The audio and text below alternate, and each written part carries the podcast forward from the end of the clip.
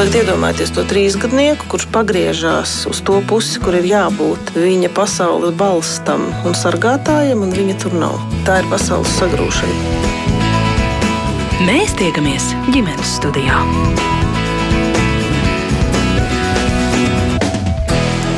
Labdien! Nav jau tā, ka vasarē sākoties pilsētu ielās redzam daudz bērnu, kuri savu mūzikas skolā apgūto prasmi demonstrē katram garām gājējam. Tomēr ik pa laikam var satikt tādus, kuri vēl nav sasnieguši 16 gadu vecumu, bet spēlē violi, akordeonu vai kādu citu mūzikas instrumentu uz ielas, un garām gājēji spēlētāji atalgo ar lielāku vai mazāku naudas zīmi. Vai tas ir likumīgi, vai tas ir droši un ētiski aspekti, par kuriem plašāk runāsim ģimenes studijā. Un uh, mūsu viesis šodien ir um, vakara ziņu galvenā redaktora Antra Gabre. Labdien! Sveicināti. Pie mums studijā ir Valsts bērnu tiesība aizsardzības inspekcijas vadītāja vietniece Gunita Kovaļevska. Labdien! Un arī Siguldas mākslu skolas Baltais flīģers, klarnetes spēles pedagogs Mārcis Kūlis. Labdien visiem! Jā, man sauc Mairidz Notiņu, un mans pirmais jautājums Antrai arī tāds tavs ieraksts Facebook profilā rosināja mūsu šīs dienas sarunu. Varbūt atstās to situāciju. Tātad vecrīga, mēģinu tagad iztēloties vakars, cik bija pulkstens? Jā, piekdienas vakars, kā par nelaimi es biju vecrīgā, jo, ja es tur nebūtu bijusi, tad visiem būtu mierīgāka dzīve. Tas bija nu, vakarā es, zvani, es zinu, ka es zvanīju policijai, bija gandrīz pusaustoņi vakarā. Nu, tā tad tas bija plus mīnus ap septiņiem. Un kas notika? Ko tu pamanīji? Stāvēja maza meitenīte un spēlēja violi. Bija, e, bija diezgan vēss, un viņa stāvēja un spēlēja. Man, protams, bija šaubas, vai, vai ko man darīt. Bet kāpēc tev tādas šaubas? Nu, spēlēja, stāvēja, spēlēja. Kas, es gribētu kas teikt, piesaistīja? Es, es gribētu uzmanību? teikt, ka nu, kā, katram žurnālistam ir, ir čūjas, ņuks un poņa. Nu, tu, tu saproti, ka kaut kas nav labi, bet tu nevari formulēt, kas nav labi.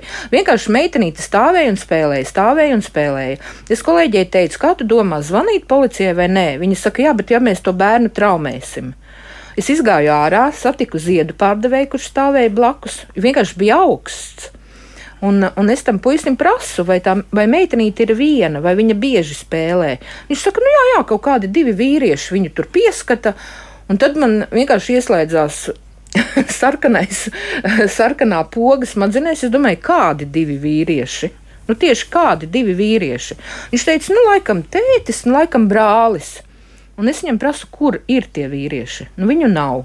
Tā meitenīte ir nu, tiešām maziņa. Nu, nu, nu, cik gadu? Nu, četri, pieci. Nu, tiešām tā jā, maziņa? ļoti maziņa meitenīte. Nu, neviena nav. Bet man arī, protams, bija šaubas. Man iet klāt tam bērnam, man viņam kaut ko teikt, man viņu ņemt aiz rokas. Nu, protams, ka bērnam, nu, bērns var sabīties, jā. Kaut kāda tante nāk un viņu rausta. Nu, līdz ar to es paskatījos, paskatījos apkārt un zvanīju policijai. Un tas arī bija ļoti liels piedzīvojums, jo, jo man liekas, ja kādu slepkavotu tajā brīdī, tur, tur varētu mierīgi viss izdarīt, aiziet, aizbraukt, un policija ne, nepaceltu klausuli, jo nu, vienkārši necēla klausuli. Nu, tad, kad es sazvanīju, es viņiem izstāstīju situāciju. Un, un policijas darbiniece, es nezinu, kā viņa operatora, dispečere, viņa man teica tā, kāpēc jūs domājat, ka bērnu spiež ubagot? Es viņai saku, bet es redzu, ka bērns stāv uz ielas viens. Viņa ir maziņa, viņa spēlē violi, viņai met lielu naudu, nu, naudas zīmes met. Viņa profesionāli paņem to naudu un liek sev kabatā, jo viņa tā tad saprot, ka tā nauda ir jāpaņem. Viņa saka, jā, bet bērns demonstrē savu talantu.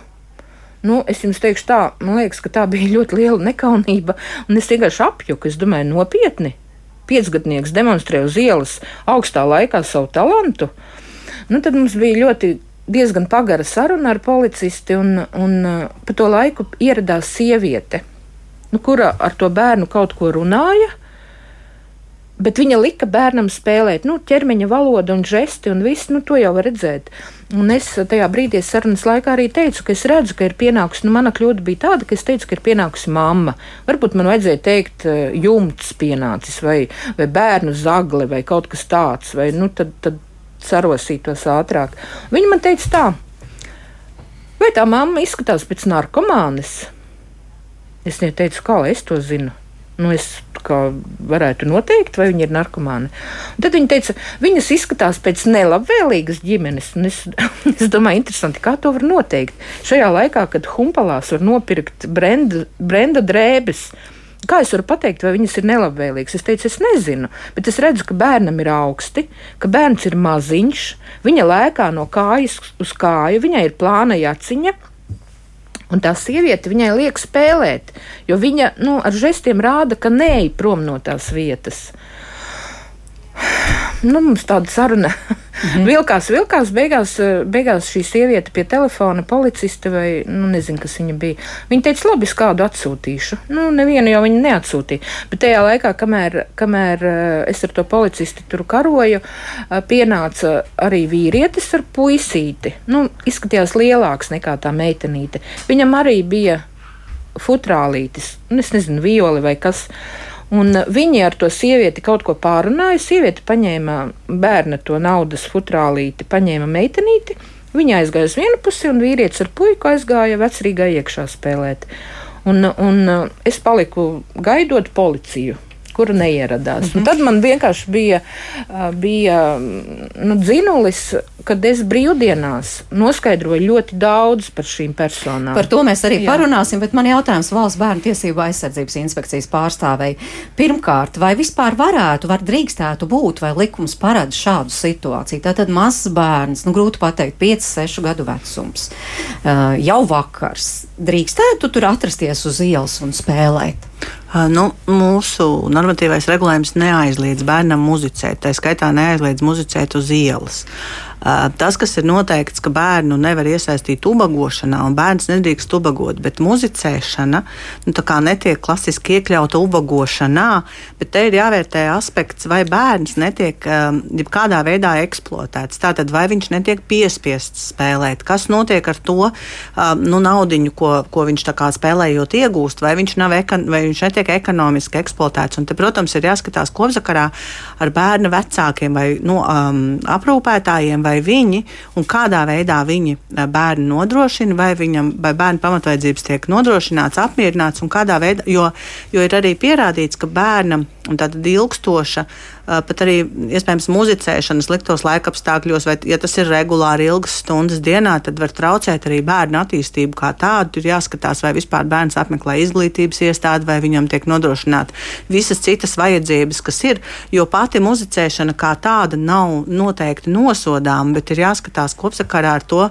kā par šo bērnu rūpēs. Jo te es teiktu, ka ir pilnīgi noteikti jābūt informācijai vai uh, nu, par šo bērnu, par viņa likumiskiem pārstāvjiem, un tad arī noteikti gan sociālais dienests, gan iespējams pēc nepieciešamības bārīties, var vispār pārliecināties par to, kā bērnam klājas šajā ģimenē. Mm -hmm. Nu, bet kam tad tas būtu jānoskaidro? Uh, nu, policijai ir tādas tiesības noskaidrot, jo mums ir arī, protams, pāns par bērnu iesaistīšanu ubagošanā, un ja ir uh, aizdomas policijai par to, ka bērns iespējams ir iesaistīts ubagošanā, bērnu noteikti, ir noteikti policijai tiesības noskaidrot gan bērnu identitāti, gan viņa vecāku identitāti, tad tālāk jau nu, tā rīkoties atbilstoši tam, lai bērnu pasargātu pēc iespējas labākā veidā.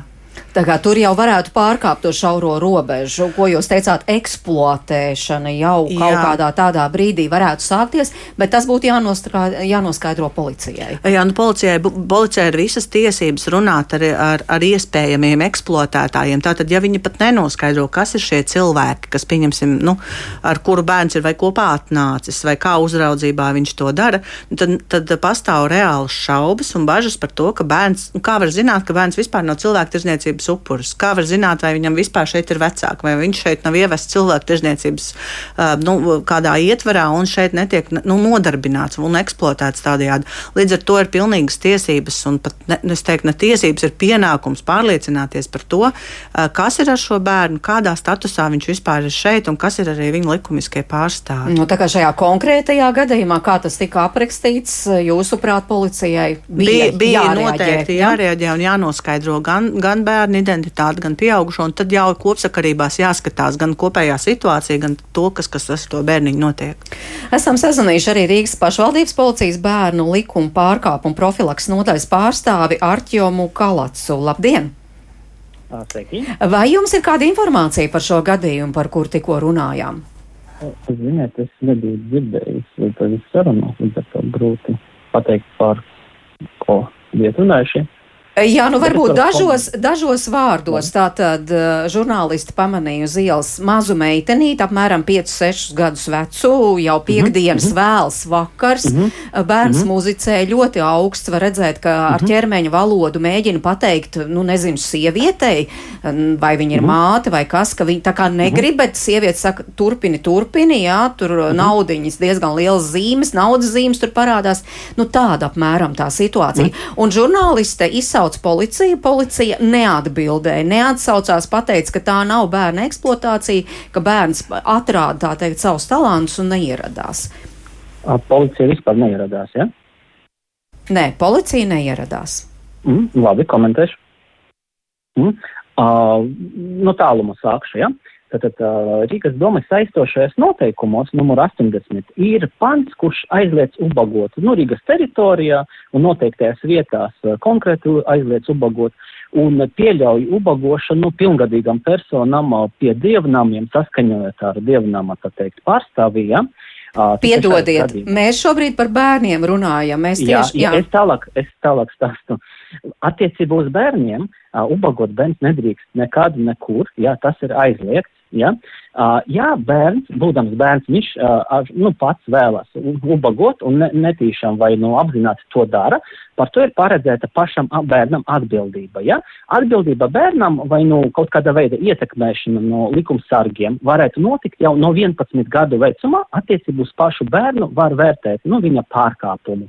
Piedodiet, vai tā nav ubagošana, tā ir muzicēšana. Mēs šobrīd bērns uh, muzicē uz ielas. Uh, Es jums vēl izstāstīšu tālāk. Bišķiņ, ja? uh, tātad, uh, saprotiet, to muzicēšanu, ja, var traktēt divi dažādi, ja, vai tā būs bagošana, vai tā būs muzicēšana. Attiecībā uz muzicēšanu ir pieņemti atsevišķi uh, Rīgas domas arī saistoši noteikumi, ja, un tad muzicēšana ir pieļaujama, ja, ja cilvēks muzicē, arī bērns, ja viņš to dara, bet viņš žēlsirdīgi neizprasa to naudu, ja tik līdz notiek kaut kāda veida žēlsirdības dāvana vai naudas izprasīšana, to varētu traktēt kā ubagošanu. Nākamais. Tātad, ja žurnālisti pamanīja, ka iespējams bērns nav drošos, nav labvēlīgajos apstākļos, viņš ir nosalis, ja? viņš muzicē, un tad žurnālisti arī redz, ka a, bērnam blakus iespējams ir tas pārstāvis likumiskais, un a, tam cilvēkam liekas, ka tomēr kaut kas nav labi. A, pilnīgi pats par sevi saprotams ir, kā izsaukt policiju, tas ir a, vienīgais, ko šajā gadījumā var izdarīt, lai policisti atbrauc un pārliecinās par bērna stāvokli. Tātad uh, tam cilvēkam, kurš izsauc policiju, vajadzētu informēt policiju, ka, lūk, es esmu tur un tur, izskatās, ka bērns ir tiešām mazs, ja, viņš spēlē pret savu gribu, ja, vismaz kā jūs man aprakstījāt, ka viņš nevēlas to darīt, viņš ir nosalis, un iespējams uh, viņš tiek izmantots uh, nu, šajā spēlē, lai nu, kaut kādā veidā iegūtu kādu finanšu labumu. Uz šādu izsaukumu policija brauktu simtprocentīgi. Ja? Bet nebrauca, ir, bet nebrauca, kā jūs uh, to izskaidrojat? Uh, pirmkārt, uz kādu numuru zvanīja, vai tā bija valsts policija vai pašvaldības policija, to var noskaidrot, uzrakstot iesniegumu, uh, kura datuma bija zvans, no kura telefona numura, to var visu pārbaudīt. Bet Rīgas pašvaldības policija uz tādiem izsaukumiem brauc, ticiet man, ja? uh, jo mēs pārbaudam katru nu, gadījumu un uh, vēlāk, nu, standarta gadījums izstāstīšu, bija pirms uh, mēneša diviem, arī muzicēja dienas laikā bērns atbrauca ekipāža, iepazīstinājās teikt, ar bērnu. Bērns izskaidroja, ka viņš tā kā nav latvieši, ja ir ārzemnieki, dzīvo pie mums ciemojās. Bērns paskaidroja, ka vecāki ir, vecāki zina, ko viņš dara, bērnam ap desmit gadiem, un kā bērns pelna naudu, var teikt, nu, jaunam drēbēm, nu, priekš sevis noliekot to atvērto uh, futlāru no instrumenta. Ja? Bērns paskaidroja, kādam mērķim viņam to vajag, lai attīstītu savas spējas un bija šī piepelnīties. Viennozīmīgi šāds paskaidrojums bērna, nu, skaidrs, ka viss kārtība šajā gadījumā. Ja? Uh, bet uh, policisti sazinājās ar bērna likumisko pārstāvi, viņš uzreiz ir atbraucis, pārunāja ar viņu, ja? Pārkāpumi netika konstatēti, bet šis materiāls, šis notikums bija pārsūtīts arī bērnu likuma pārkāpumu profilaks nodaļā, pēc kā arī mēs vēl, mana nodaļa veica papildus darbu, lai pārbaudītu, vai tiešām viss kārtībā, nu, šajā ģimenē. Uh, ir reti, bet gadās arī, ka šis signāls ir pamatots, un tad uh, mēs strādājam tālāk un iesaistām sociālo dienestu pēc vajadzības, un, ja vajag, barimtiesu. Jūs aprakstīties gadījums, ka bērns iespējams pat līdz septiņiem gadiem, viennozīmīgi līdz septiņiem gadiem, nu, tā kā jaunam bērnam jābūt blakus kādam, jā, nevar vienu pašu uh, laist. Nu, tā kā tur bija kā iespējams pārstāvis, jā, un uh, izsaucēji bija līdzies, ka nav labi, tad šajā gadījumā izsaucējiem būtu labi palikt uz vietas un sagaidīt policijas darbinieku ierašanos. Uh, ja atsaka, tad vēl vienreiz jāzvana 110 un jāizskaidro, ko mēs tieši redzam. Tātad bērnam draud briesmas, iespējams, bērns ir nosalis, uh, bērns nevēlas spēlēt, viņam liek to darīt. Un kas ar viņu ir, jūs arī nezināt, ja? Ja jums ir pārliecība, izsaucam, sagaidām policistus, sniedzam liecības, un tālāk policisti vēl veic turpmāku darbu. Visu noskaidro, ja vajag aizbrauks uz dzīves vietu, apsekos bērna dzīves vietu, un vēlāk arī iespējams, ka mūsu nodeļa vēl papildus uh, pārbauda iedos. Informāciju. Paldies! Uh, paldies, saka Rīgas pašvaldības jā. Uh, policijas pārstāvim Arķumam Kalacam. Gribu, gribu jautāt Antrai, apmierina šāda Nē. policijas atbilde? Tā ir vienkārši atrunāšanās. Uh, Tāpēc, ka visu to, ko šis kungs nu pat pateica, kas man bija jāpasaka, visu to es pateicu šai telefona darbiniecei. Un viņa man atbildēja ar tekstu, bet varbūt bērns demonstrē savu talantu. Es tieši teicu, ir augsts. Viņa ir nosalusi. Mm -hmm. Es mhm. redzu, ka bērns lēkā uz, no kājas uz kāju. Viņai sieviete ar žestiem liek spēlēt. Un, uz ko viņa man teica, nu, kā jau es teicu, vai viņa ir narkomāne, un neviens neatbrauc. Es biju šajā vietā vēl ilgi. Jā, bet Antra, bet jūs turpinājāt kā meklēt, kāpēc neatbrauca un, un tam līdzīgi kaut kā nu, kā es gaidīju visu, es gaidīju visu laiku, kamēr policija mm -hmm. atbrauks. Nu, cik ilgi? Līdz deviņiem vakarā? Jā, Mārcis Kūli, jūs kā, gan kā pasniedzējs mūzikas skolā arī klausāties eh, šo situāciju. Kā jums izskatās? Nu, man gribās teikt tā, ka mūzikas eh, spēlēšana uz ielām ir saistīta ar ārkārtīgi senu arhetipu. Eh, mēs kā sabiedrība kopš viduslaikiem vienmēr esam baudījuši ielu muzikantu pakalpojumus gan tirgus laukumos, gan visādos saviesīgos pasākumos. Un, kā zinām, tā ir ārkārtīgi sena mūsu sabiedrībā tradīcija. Uh, Eh, ka kāds eh, atskaņo mūziku dzīve, dzīvā veidā uz ielas. Tas ir viens uh, liels, uh, svarīgs faktors. Otrs ir pavisam nesenā, uh, un, un zinām, kādas bija bērnu tiesības viduslaikos. Ja, kas saistās, protams, ar šo laiku. Un, un es, es paskaidrošu, kāpēc par to tik uh, dziļi gribu uh, runāt. Un otrs ir šis uh, pilnīgi jaunais līmenis, kur mēs esam kā sabiedrība beidzot attīstījušies līdz tam, ka mēs atzīstam ne tikai sieviešu, bet arī bērnu tiesības mūsu ikdienā, mūsu sabiedrībā. Nu, lūk, un tad šie divi milzīgie lielie bloki cīnās ikdien, reālajā dzīvē. Likumos mēs, protams, esam aizgājuši daudz tālāk nekā tie arhetipiskie uzskati sabiedrībai. Tā skaitā policija, jau tikai sabiedrības uh, locekļi. Viņi arī pieņem lēmumus vai rēģē izjūt no šiem arhetipiem. Ļoti bieži tās ir pirmās reakcijas. Ai, tur nekas taču nav, nu, ko, ko viņi ņemās. Ir daudz grūtāk pieņemt šo jauno uh, domāšanas veidu, kas ir vairāk nostiprināts tiesību aktos nekā, nekā mūsu zemapziņas arhetipiskajos izaudzinātajos priekšstatos par labu un sliktu, melns un balts.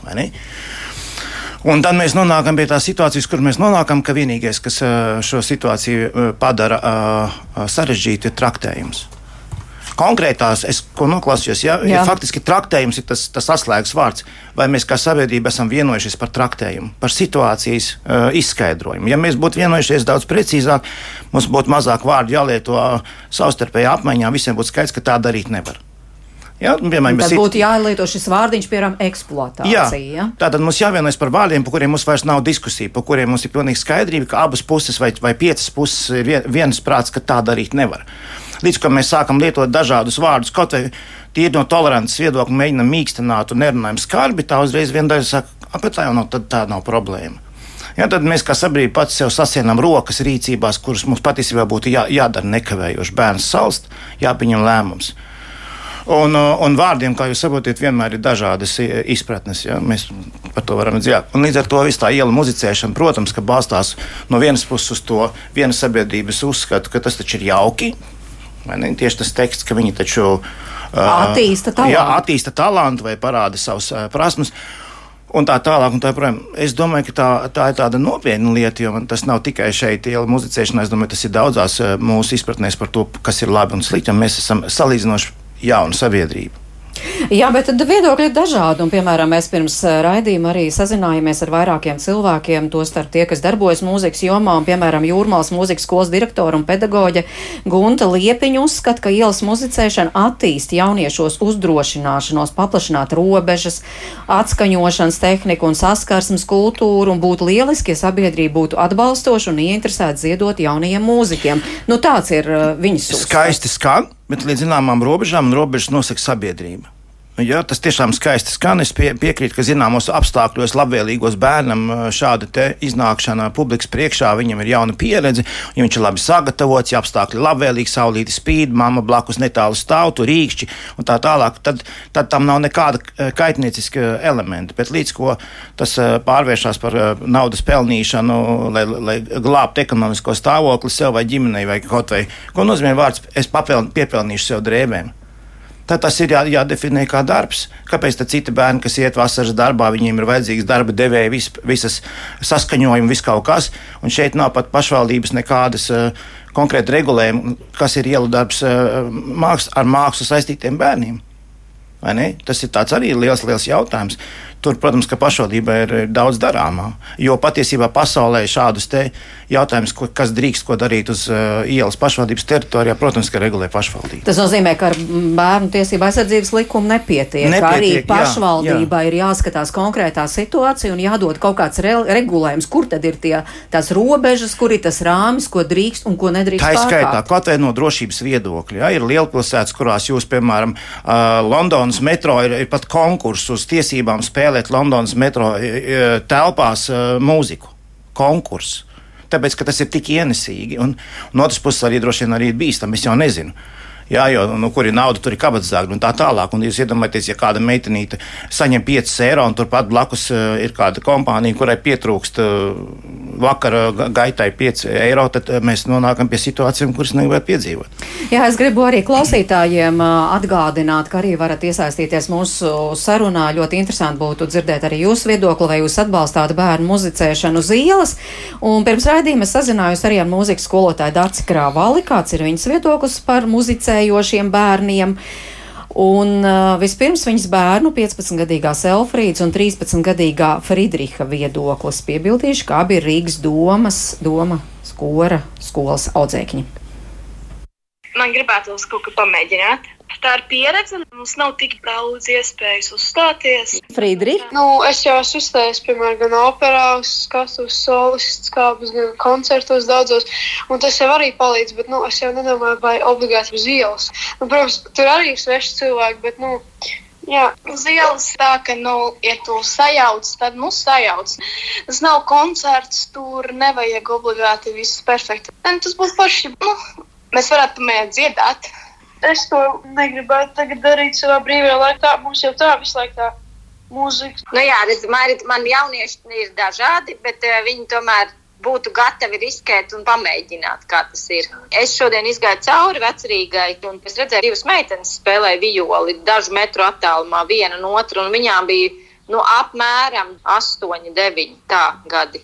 Mm, jā, neizskatījās, ka viņš ļoti izbaudīja to procesu. Man nešķita iederīga mazu meiteņu klātbūtne blakus krogam, kurā ir skaļa mūzika un ārzemnieki dzer alu ka meitenes zem desmit gadiem spēlē bijoli. Man nelikās, ka viņas tur organiski iedaras. Nu, man prasītos, ka tad tomēr ap to bērnu veidojās tāda drošības saliņa. Man nešķiet, ka viņš ir pasargāts uz ielas. Un tas nav cilvēks, kuram ir jau nu, teiksim, 16, 17 gadi, kurš pats var par sevi pastāvēt, kura izvēle ir tur būt. Tā ir tā atšķirība. Un es nezinu, vai vakarā bērnam ir jāatrodas tur, kur viņš šobrīd atrodas. Bet uh, es kā mamma neizskatu šādu opciju. Jo īpaši, kā Friedrichs teica, jo īpaši tāpēc, ka viņi jau mācās to mūziku. Un uh, es nesaskatu, ka man viņus vajadzētu nodarbināt ārpus laika, kad viņi mācās mūziku, mūzikas uh, skolā, ka viņiem vakarā vēl vajadzētu šādi pelnīt naudu. Cits stāsts, ka es kā pedagogs, teātris, mākslas un mūzikas varētu piekrist kā sociālo eksperimentu. Tas būtu veselīgi, jā, jauniešiem, kā Elfrīda saka, izkāpt no komforta zonas, trenēties, izturēt kritiku, neparedzamus apstākļus, komentārus, kauna izjūtas, vēl dažādas, dažādas psiholoģiskas lietas, kuras jātrenē, lai arī uz lielās skatuves uzkāptu. Ja to pavērš kā sociālo eksperimentu, kurā bērni, kas mācās mūziku, iegūst cita veida pieredzi, un uh, tas ir tāds kontrolēts un organizēts pasākums, tad, jā, tad es tam piekristu gan kā pedagogs, gan arī kā mamma, tad es uz to arī ietu un būtu klāt un atbalstītu savu bērnu tajā pasākumā. Man ir pieredze pašai ar tādu uzstāšanos ārpus koncertiem un koncertu zālēm un, teiksim, skatuves. Mēs braucām jau kopš man bija desmit gadu uz Vāciju, un mēs gājām ciemos pie vieniem, pie otriem cilvēkiem, pie trešiem cilvēkiem, nu tā kā tādām komunām. Un uh, visi zinot to, ka mēs ar māsu dziedam, mēs dziedājām knīpās un knauķos. Un mums tieši bija 10 un 12 gadi. Mums visur lūdza, svītriņa lika dziedāt. Jo mēs labi izskatījāmies, jo mēs bijām skaisti vienādi saģērbtas ar māsu.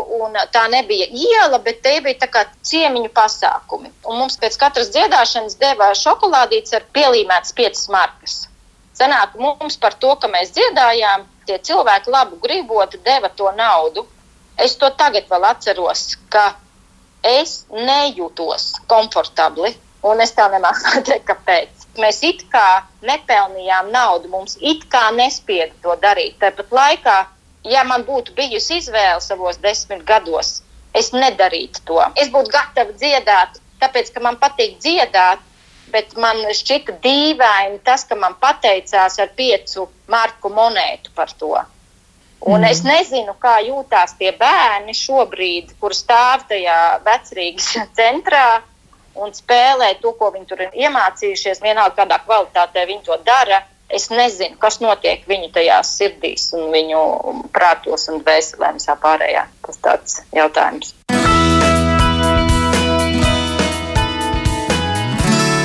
Tā bija mūzikas skolotāja Dārsa Kravale, un dzirdējāt arī viņas bērnus, pusauģus, 15-gadīgo Elfrīdu un 13-gadīgo Friedrihu, kur mācās mūziku.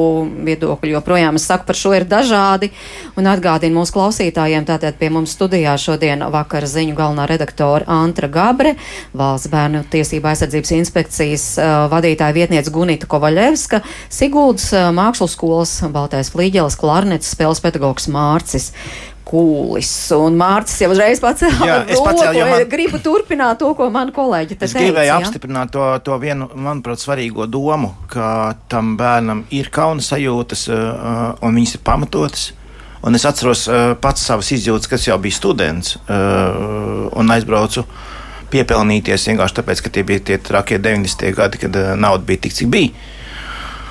Un tā ir kauna sajūta. Un es teikšu, ka tā ir sajūta, kas nāk no šīs ubagošanas momenta. Mm, tāpēc es nepiekrītu tiem regulē, regulējumiem, kurus eh, nodala strikti iela muzicēšanu no ubagošanas. Tāpēc, ka emocionāli man pat kā studentam man bija, man bija tāda sajūta, ka es pārdotu kaut kādu daļu no savas nevainības ko man vienmēr dārziņu skolā teica, ka mēs esam gatavoti lielai mākslai, lielai muzikai, un te pēkšņi man jāstāv uz ielas, un katram plencim, kā teikt, kurš nospēlē kaut ko, man jāmēģina viņam kaut kā astumt malā, un tādi uzbāzīgākie tad ir bez maz vai ar rokām. Ja? Tāpēc es teiktu, tā, tie, kas to nav darījuši, viņi nevar, protams, es viņiem nepārmetu, bet viņi nevar iedomāties, kas ir tās emocionālās izjūtas.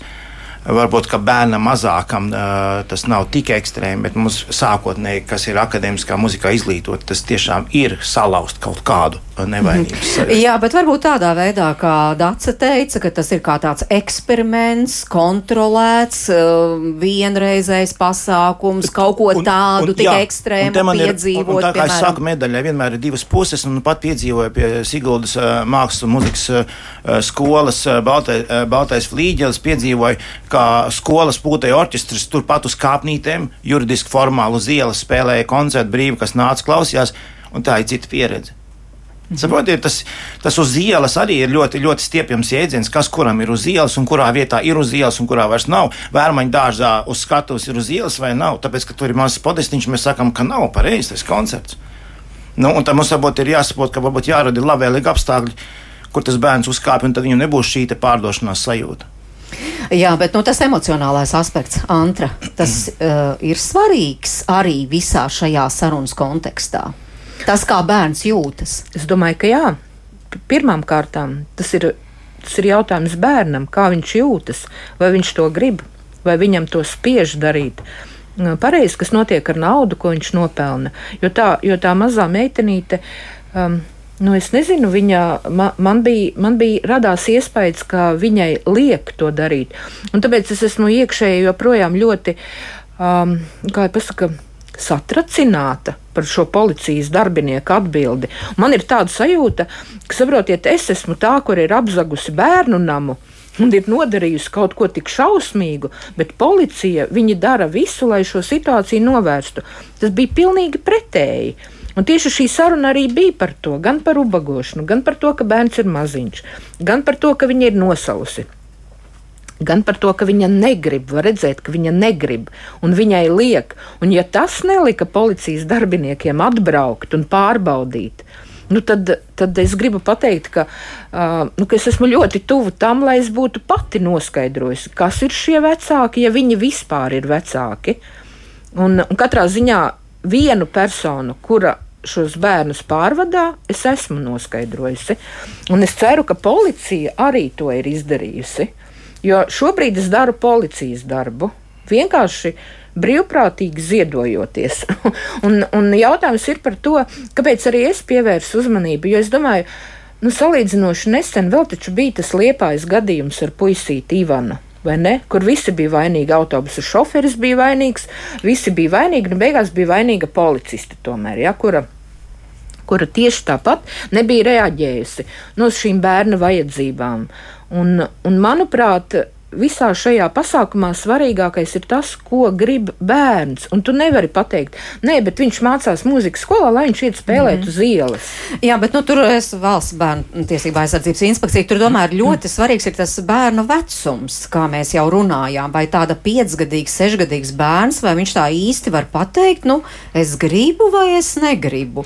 Jo te mums klausītājiem arī dažādi ieskati. Nu, piemēram, manā ieskatā tur mums raksta Jānis, ielu muzicēšana nav attīstīta attaisnojam bērniem līdz desmit gadu vecumam, vai Inese raksta, man šķiet, ka to darīt draugu kompānijā un jau pusauģu vecumā tas ir ok un, un, un tam līdzīgi. Jā.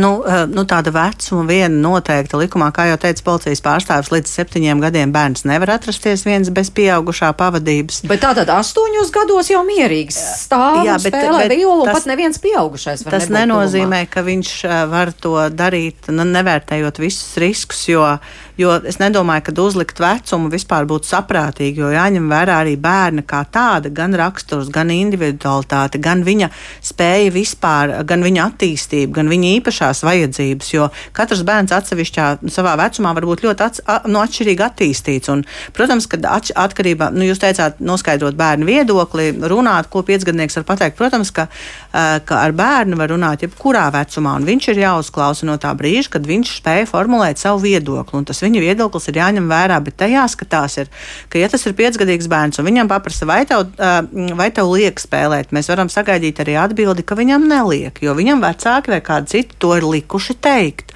Un te ir jāsaprot, kā, kā, kādā vidē šis bērns aug un ko ar viņu dara, vai viņš ir iebiedēts, vai kādi citādi pret viņu vēršas, jo viņš var sniegt arī tādu atbildi, kā viņam ir likts pateikt tajā, tajā laikā, ja viņš tiešām tiek nu, eksploatēts. Un te vēl ir citi riski, jo šis var būt tikai viens no. Bērns ir mazs, viņu. Tādā veidā viņam liek pelnīt naudu un strādāt, un viņam izzudīs vispār jebkura robeža, kādā veidā vēl vienu viņu var eksploatēt. Viņu var viņam pieaugot, riski tikai pieaug, jo viņš nezinās vairs, ka kaut ko ar viņu sliktu dara, ka ar viņu dara kaut ko sliktu. Ja viņš to pieņems par pašsaprotamu, līdz ar to nu, tas ir tikai, nu, tāda, kā jau teicu, nu, medaļas viena puse, bet ir nākamās vēl riskantākās, kas no šī var, var, var rosināties. Es teiktu, ka nedrīkst uzskatīt, ka tas ir pašsaprotami, ka tā tam ir jābūt. Un, ja bērns pasakā, es pelnu nu, jaunām biksēm, pateikt, nu, tad viss ir kārtībā. Vai ja vecāks saka, nu, viņš taču pats grib, arī tad nevar pateikt, ka viss ir kārtībā bez pārliecināšanās, ka tiešām tā ir, jo mēs ļoti labi zinām, ka arī vecāki prot sniegt sociāli vēlamas atbildes un pateikt to, lai izklausās labi un no viņiem atstājis institūcijas. Jā, bet tāpēc arī gan policijai, gan, protams, sociālajam dienestam ir tā lielā iesaiste un izpratne un, un noķert un spēt atpazīt iespējamos riskus, kas liecina par to, ka bērnam tiek darīts pāri. Es gribētu, nu, jā, es gribētu jā. vēl atgriezties pie tā manas sākotnējās domas par tiem arhetipiem un par to, ka mēs patiesībā daudz plašāk būtu, mums būtu jāapstāsta uz to vienu jautājumu kas saistīts ar to, kur bērni vispār tiek um, iesaistīti un kur mēs kā sabiedrība vēl joprojām nesaprotam, ka tas ir patiesībā uh, slēpts bērnu darbs. Ja, tas skaitā arī šie te, uh, kultūras uh, jomā esošie kolektīvi, uh, deju kolektīvi, uh, visādi ansamblīši, uh, muzicēšanas pasākumi, kur patiesībā aizmugurē stāv uh, pedagoga, negribās pat viņu tādā veidā saukt, vienkārši vadītāja mantiskās intereses un spēja nopelnīt ar dažādiem korporatīviem pasākumiem. Tas apliecina tikai to, ka mums sabiedrībā ir neskaidrs par šo robežu, kas saistās ar bērnu tiesībām, un, un skatuvi un izpaušanās vajadzību un tā tālāk. Mums vienkārši labi, ka tā diskusija ir, jo mēs beidzot par to varbūt sākam runāt. Man ir bijuši daudzi duņķi arī sānos un mugurā par to, ko es te krāmēju. Es galvā beigās ir forši, ka bērni dejo, bet vai tas ir forši, ka viņi dejo, piemēram, korporatīvā pasākumā 11. vakarā, eh, lai vadītāji varētu nopelnīt honorāru? Mm -hmm. Tur arī varētu būt kaut kāds bērnu tiesību aizsardzības pārkāpums. Nu, noteikti. Un, un pirmkārt, jau jāskatās uh, gan kas pa kolektīvu, gan vecāku iesaisti tajā, vai viņi to ir ļāvuši, neļāvuši, kā tas tiek pasniegts, vai vispār vecākiem tiek izstāstīts. Nu, protams, es teiktu, ka tas, kas saistās ar radošo darbu, diemžēl vienmēr tiek uzskatīts nekā eksploatējošs darbs. Jo tad, ja mēs bērnus iedzītu vagā bez atļaujas, un mēs to zinām, un bērns nepiekristu, mēs pateiktu, ka viņš ir nelegāli nodarbināts, ja viņu eksploatē. Bet arī radošs darbs šāds, ja muzicēšana arī ir darbs. Vienkārši tiek uzskatīts, ka, ka tā ir nu, talanta izpausme, un bērns, nu, vai, vai jau lielāks vai pieaugušais, nu, tas ir skatāms varbūt nedaudz brīvāk. Es piekrītu tam, ka ļoti, ļoti ir atšķirīgi uzskati par šo, jo tad, ja tiešām aizbrauc kolektīvs, kolektīvs dziedā, tad mēs uzskatām, ka viņš muzicēns sniedz mākslu. Jūs teiktu, apliecina, piemēram, jautājums, es esmu operas dziedātāji, tas labi, bet, bet kur jūs strādājat? Jā, bet uh, es atgriežos pie šīs, šīm emocijām, sajūtām, piemēram, arī Inese, nē, bet uh, Kristīna mums raksta, pilnīgi piekrīt par šo kaunu izjūtu. Bērnībā lika spēlēt flautu, speciāli spēlēju šķību ar kļūdām, lai man liktu mierā un nelikt iet spēlēt dažādos pasākumos. jā, par ko arī te izskanēja. Uh, jā, bet vēl viens pieredzes stāsts, patiešām tāds ļoti iespaidīgs un par savu septiņus gadus ilgo pieredzi kā bērnam muzicējot uz ielas, gatavs stāstīt Čellis Mārcis Kuplais. Piebildīšu Mārcis Kuplais tagad dzīvo Šveicē, regulāri muzicē daudzu valstu koncertzālēs, māca mūziku bērniem divās mūzikas skolās, bet stāsts būs par tālajiem 90. kad Mārcis un viņa māsa Tagad viņa ir mūzikas terapeite, regulāri strādāja uz ielas septiņu vasaru gadu garumā. Klausāmies! Mans tēvs ir pirmās grupas invalīds. Viņam nebija viena kāja, Un mamma mums strādāja bērnu dārzā tajā laikā, par bērnu dārza audzinātāju. Un tētim tā naudiņa par invaliditāti un, un mammai alga bija ļoti maza un mēs pilnībā nevarējām apmaksāt dzīvokli un ēšanu. Un tad, protams, ka vecāki izvēlējās nopirkt ēst, un, un arī tas bija ļoti nabadzīgi. Un tad uh, mums bija sakrājies milzīgs parāds par dzīvokli, un pienāca jau otrā vēstule, ka tūlīt sāksies tiesa un mūs izmetīs no dzīvokļa. Tas bija 92. gads. Un tad tēvs izmisumā domāja, nu, ko lai iesāk, nu, varbūt pamēģināsim iet paspēlēt uz ielas. Mēs jau tajā laikā jau spēlējām. Mēs gājām laikam otrajā klasītē, mūzikas skolā vai trešajā, un māsa bija pirmajā. Un tad mēs aizgājām, pamēģināt tikai tā bišķiņa, pat nezinot, kurā vietā īsti jāiet, jāspēlē, tā vienkārši izmēģinām. Tā mēs sākām, mēs aizgājām paspēlēt pretī radionamam, Un, un pēkšņi iemet naudu. Mēs, protams, bijām ļoti priecīgi bērni. O, mēs nopelnījām pirmo naudu, mēs varēsim tagad atbalstīt uh, vecākus. Un tad pēc tam gājām, pamēģinājām pie Melngalnām. Un tad sapratām, vēlāk, ka vislabāk ir tur, kur ir daudz cilvēku, un tas bija pretī Hotel de Romai.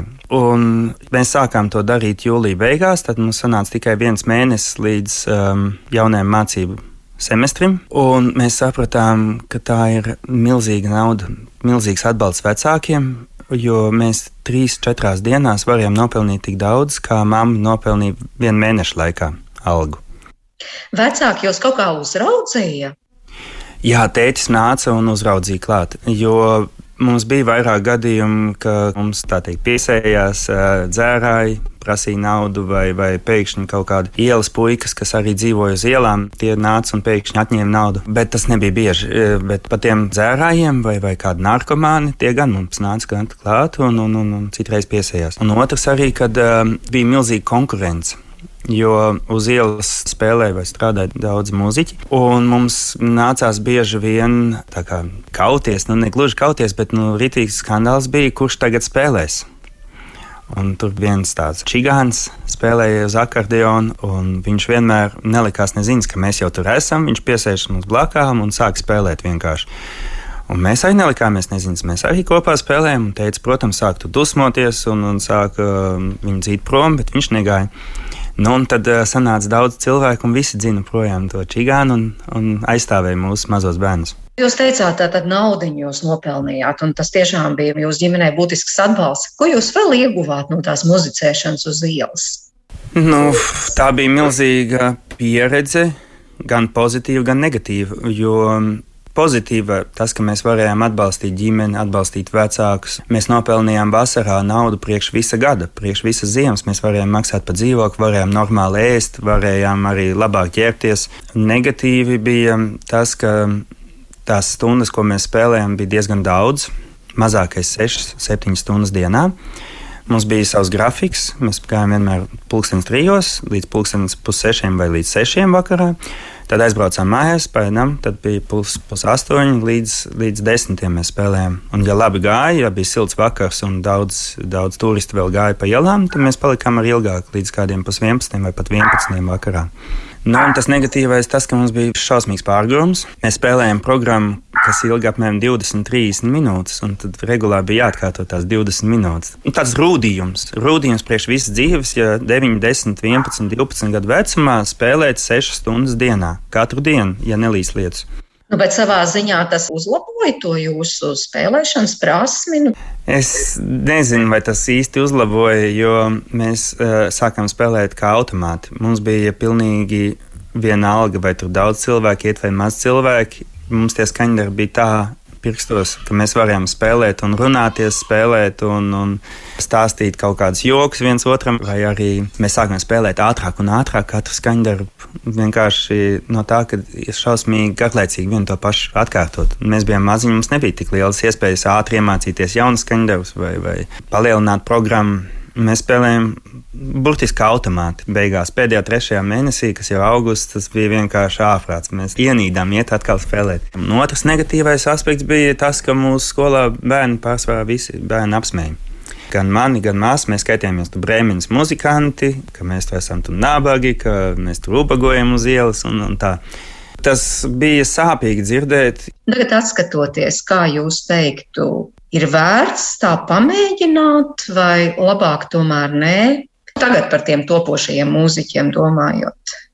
Pamēģināt, es domāju, var jebkurš mūziķis. Un es domāju, ja bērni redz, ka viņiem iemet naudu, viņi var sakrāt to naudu un nopirkt lietas, kas viņiem interesē, un nav jāprasa katrs sīkums vecākiem, varbūt tas ir pat labi. Bet tur Šveicē vispār esat redzējis, ka kāds no bērniem tā dara un muzicē uz ielas? Vispār spēlēt, spēlē, jā, bet tas nav tā, ka regulāri tas ir vairāk tikai savam priekam. Vienkārši tā izmēģināt, un tad papriecāties, o, oh, mēs nopelnījām paši sev naudu, tagad mēs varam nopirkt to un to, kas, kas bērniem tur interesē.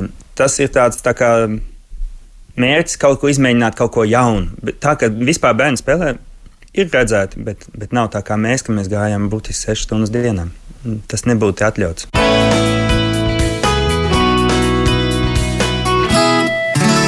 Liels stāsts, liels paldies Čelistam Mārcim Kuplējam par šo stāstu. Tagad tiešām viņš ir pasaules, pasaulē zināms mūziķis, re, kā izaudzis no šī brēmenes muzikāna status, bet te tomēr ir daudz to skumjo nošu, vai ne, klausoties. Jā, jā, ļoti daudz. Es domāju, ka man prieks, ka viņš nav salūzis, ka patiesībā viņš ir kļuvis stiprāks un tas ir tāds fenomenāls uh, gadījums. Ir jau arī pasaulē zināmas, piemēram, ļoti slavenas, uh, piemēram, Kelly Family, kas kādreiz uh, uzplauka kā roka uh, ansamblis, bet sāka visu savu karjeru tikai uz ielas. Un līdz ar to mēs uh, varam teikt, nu, mums ir pozitīvi gadījumi, bet mums ir arī negatīvi gadījumi, kad, kad iela ievelk ielas.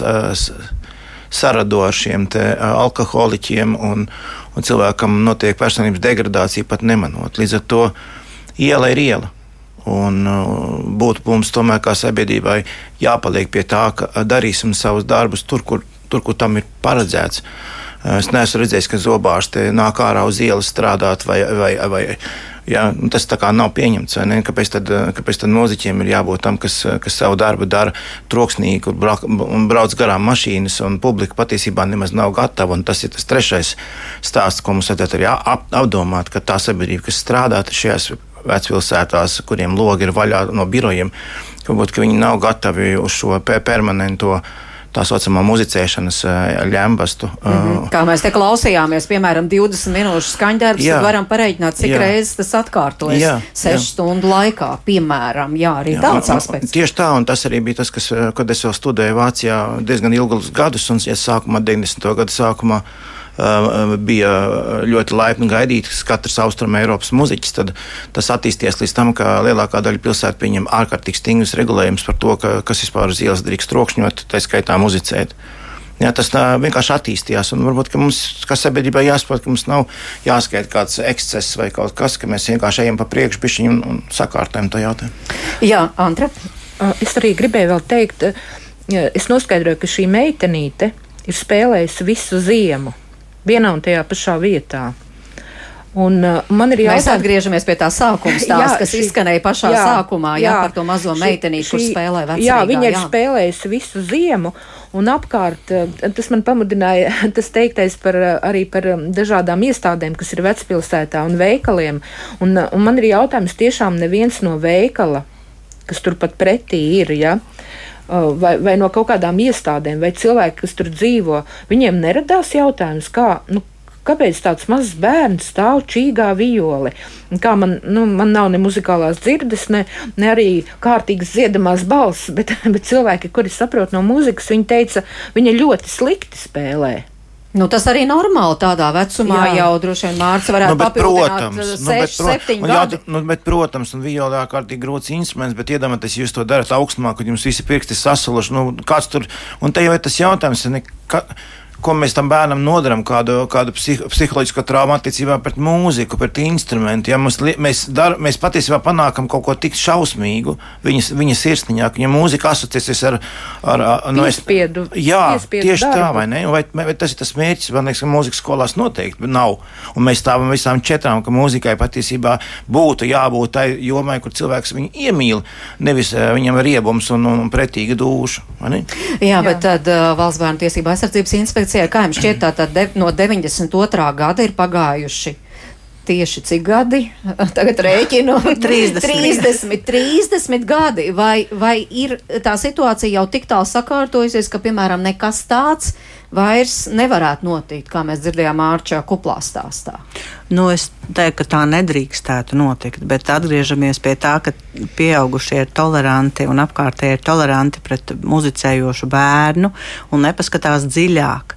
Uh, un varbūt tiešām ir vietā tas, ka mums būtu jāsaprot, ir muzicēšana, bērnu muzicēšana sasaistām ar ubagošanas jēdzienu, un kas ir brīvprātīgi un kas ir piespiedu kārtā. Līdz ar to es teiktu, ka attiecībā uz bērnu tiesībām un uz to izaugsmu, kas ir bijusi, ir izmaiņas un ļoti būtiskas būtisks. Tieši tāpat kā tagad pagājušajā gadā papildinot to, kā valsts skatās uz bērnu interesēm, ir pieņemts, ka visām institūcijām, kuras darbojas ar bērniem, par bērniem vai pieņem lēmumus, ir jāievēro noteiktas bērni intereses, tā skaitā gan viņa tiesības, ne tikai tiesības uz izglītību, dzīvesvietu un visu, bet to, ko šis bērns domā, kā viņš jūtas un kas būs vislabākais priekš viņa.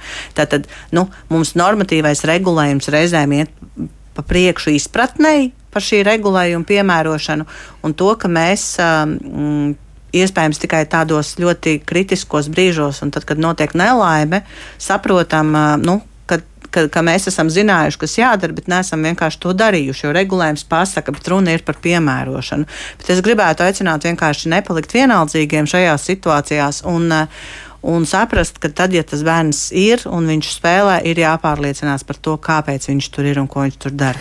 Klausītāji ilga prasa, tā tad es drīkstu iet klāt bērnam, kas spēlē un jautā. Saprotiet, es neieteiktu iet klāt bērnam, jo nevajadzētu svešiem cilvēkiem iet klāt bērnam, izprāšņāt. Bērnam nav pienākums jums neko teikt, un jums nav īsti tiesības viņu izprāšņāt. Ja jūs redzat, ka bērns ir apmaldījies, pazudis, jums ir, nu jā, jāmēģina viņus pasargāt, lai ir droši, bet vienalga ir jāinformē informē policiju. Paldies! Un vēl tikai daži klausītāji komentāri. Nu, piemēram, Ilza raksta, neredz neko sliktu, ka bērns strādā un nopelna, protams, lai ir drošība un ne bez viņu piekrišanas, vai uh, labāk ir visu jautāt no valsts. Tad savukārt vēl kāds klausītājs paldies par čelis stāstu, jo tieši gribēju teikt, ka ģimenes ar bērniem ar invaliditāti vai masturīgās ģimenes bieži domā par šādu iespēju, jo trūkumā dzīvot likums neaizliedz uz nabadzīgo, un nabadzīgo cilvēku ir daudz, tikai to neredzu, un es to gribu papildināt, domājot tieši par nākamo gadu, kad tā situācija vēl vairāk sāsināsies šajā ziņā, jā, tad varētu arī, arī būt vairāk šādu gadījumu, un Zāne raksta, savukārt, paldies par šo raidījumu, mēs esam domājuši, ka bērni var spēlēt uz ielas, lai viņi paši nopelna naudu tam, ko vēlas nopirkt.